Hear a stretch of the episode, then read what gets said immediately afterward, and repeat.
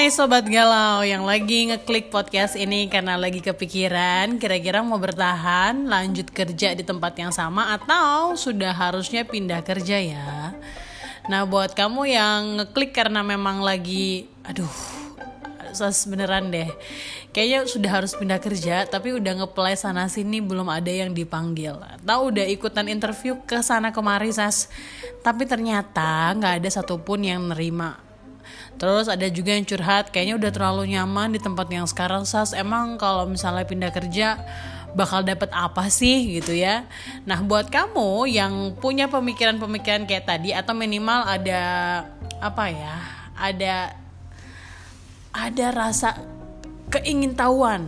Kenapa sih seseorang itu harusnya punya atau mengganti pekerjaan mereka atau minimal tempat kerja mereka gitu ya supaya supaya apa gitu kan. Di sini di episode kali ini ada tiga alasan yang sebenarnya bisa jadi pertimbangan kamu kamu semua. Tapi juga bukan untuk memprovokasi ya karena buat aku sendiri tidak ada namanya bekas kantor. Yang ada itu adalah kantor yang dulu gitu ya. Jadi buat aku pribadi loyalitas juga bisa kita berikan kepada kantor-kantor yang memang pantas diberikan loyalitas. Misalnya karena mereka membantu kita untuk mengembangkan skill membantu kita untuk punya teman yang jauh lebih produktif yang membuat kita jauh lebih baik dan bertumbuh setiap harinya. Tapi kalau misalnya kamu harus nih untuk pindah tempat kerja atau mengganti pekerjaan kamu ada tiga alasan yang sangat kuat sebenarnya yang bisa kamu jadikan pertimbangan. Yang pertama, itu misal di tempat kerja lama kamu itu nggak ada yang namanya uh, kejelasan untuk karir pet atau karir pet itu bahasa Indonesia-nya adalah jenjang karir gitu ya.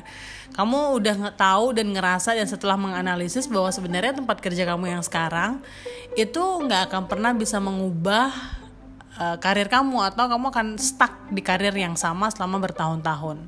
Nah, kalau kamu tipenya adalah tipe yang pengen ada jenjang karir yang jelas, terus kemudian setiap tahun ada perkembangan dari status karir kamu, ya silakan diambil dan coba dipikirkan kesempatan untuk mengganti pekerjaan kamu atau minimal mengganti tempat kerja kamu.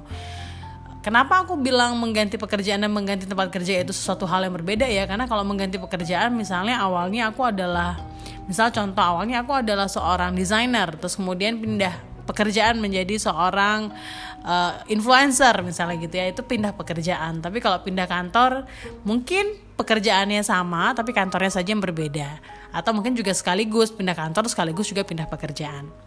Nah alasan yang kedua adalah kamu harus melihat apakah kemudian kamu kan bisa forecasting ya, bisa meramalkan dari beberapa karyawan senior di tempat kerja kamu sekarang, apakah ada kompensasi atau benefits yang kira-kiranya itu uh, bagus dan layak untuk kamu perjuangkan ketika kamu bertahan di sebuah tempat gitu.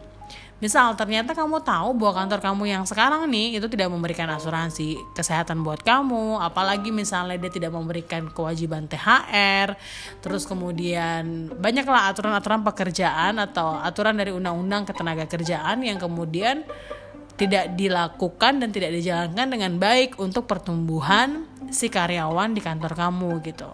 Nah, kalau kamu sudah ngerasa ada di titik itu dan kamu sudah menganalisis dan ternyata memang betul bahwa tidak ada kompensasi atau benefit yang menguntungkan untuk kamu sebagai pekerja, silakan dipertimbangkan lagi untuk pindah pekerjaan atau pindah tempat kerja. Yang ketiga alias yang terakhir adalah apakah kemudian kantor kamu ini itu memberikan kamu ruang untuk meningkatkan skill dan juga kemampuan kamu. Karena ada beberapa nih ya uh, dari cerita teman-teman aku, kantornya itu kemudian sangat statis gitu. Jadi setelah sekian tahun dia bekerja, nggak ada penambahan skill tertentu yang kemudian membuat dia jadi nggak berkembang terus kemudian nggak ada pengembangan SDM kayak misalnya ikut training, ikut bimbingan teknis gitu ya, atau kamu dibiayai untuk ikut kursus gitu. Itu sama sekali nggak ada yang kemudian mungkin bisa jadi pertimbangan kamu untuk pindah kerja. Nah kira-kira dari tiga hal tadi, kamu sudah menemukan jawaban atau belum dari pertanyaan soal apakah saya harus pindah kantor atau enggak? Coba dipertimbangkan apakah ada karir pet atau jenjang karir. Yang kedua, apakah ada kompensasi atau benefit yang bagus buat kamu. Dan yang terakhir, apakah kantor kamu memberikan kesempatan buat kamu untuk meningkatkan skill dan juga kemampuan kamu. Terima kasih sudah dengerin episode kali ini. Sampai jumpa lagi di episode berikutnya. Bye bye.